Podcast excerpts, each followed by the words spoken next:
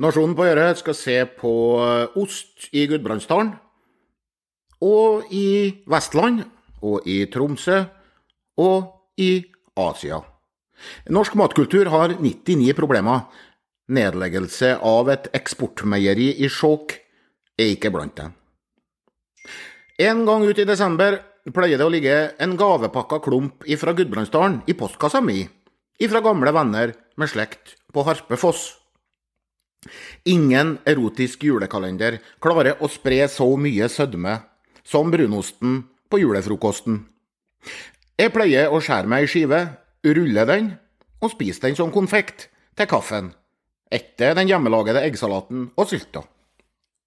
Ost er mer enn næringsstoffer, selv i landet som matsnobbene elsker å hate, med utsagn som 'Norvegia smaker kitt'. På Oslo vest er det visst vanlig å smake på bindemiddelet i gamle glass. Landbruks- og matminister Geir Pollestad sier her i avisa vi har noen produkter i Norge som er i en helt spesiell posisjon, både når det gjelder kulturell identitet, historie og geografisk opphav. Statsråden snakker om G35, en merkevare så lite sexy at den kun beskriver at det er geitemelk i det, og at fettprosenten altså er 35. Det andre navnet på osten derimot klinger som en jerngryte over grua i et seterfjøs. Tine vurderer å legge ned produksjonen av gudbrandsdalsost i Gudbrandsdalen, og ordførere og matengasjerte raser. Døl- og matnestor Arne Brimi sier her i avisa hvis noen prøvde seg på noe slikt i Chablis, ville det blitt full krig. Det er krevende å tenke på at vi skal vanne ut mer og mer av identiteten vår. Nja, i så fall burde krigen komme for mange år siden, sier jeg. Gudbrandsdalsost er allerede et svært utvanna geografisk produkt. 90% av all G35 lages langt utafor Gudbrandsdalen, på Storsteinnes og i Byrkjelo. Sånn har det vært i tiår. Av den 10% som faktisk lages i Gudbrandsdalen, blir mye G35 eksportert. Er det kanskje slik at de gamle grytene ved meieriet i Skjåk, eller melka til bøndene i Gudbrandsdalen, gir bedre og mer internasjonalt salgbar ost enn G35 fra Vestland eller Troms gjør? Neppe.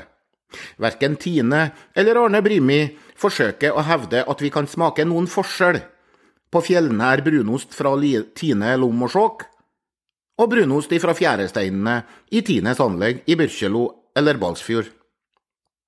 Tallet 163, i veldig liten skrift, er det eneste som vitner om at gudbrandsdalsosten i butikken faktisk er fra dalen. Forbrukerne sier i større grad nei takk, uansett hvor osten er laga. Tall fra Tine viser at nordmenn spiser 30% mindre brunost enn for 15 år siden. De 43 000 medlemmene i Facebook-gruppa La G35 leve bør kjøpe mer brunost.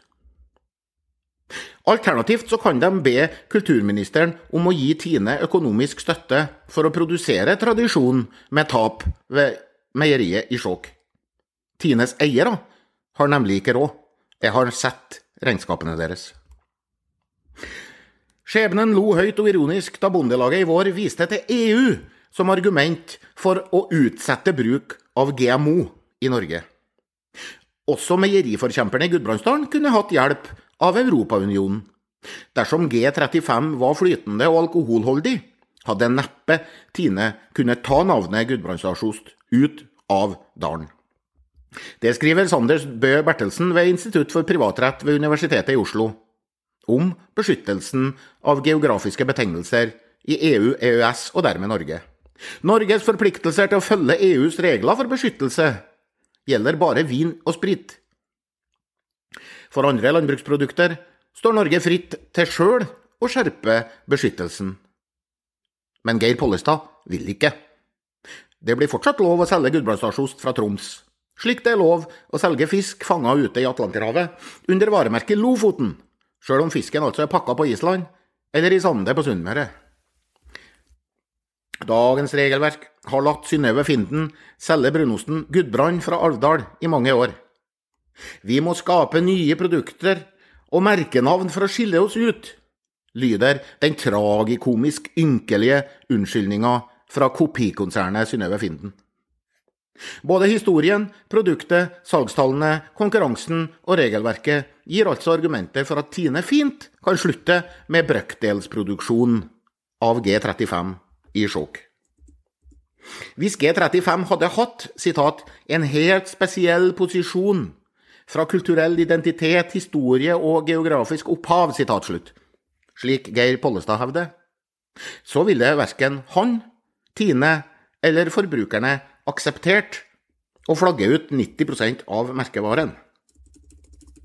Alle som vil, vil fortsatt kunne kjøpe brunost produsert i Gudbrandsdalen 18.10 kan Tine vedta at Heidal Ysteri blir eneste produsent av slik ost.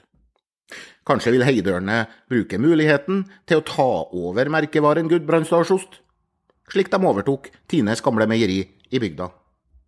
Eller kanskje ikke. Det kan være at deres egen heidalsost er så god at den ikke behøver det omflakkende dølanavnet til bulkosten G35.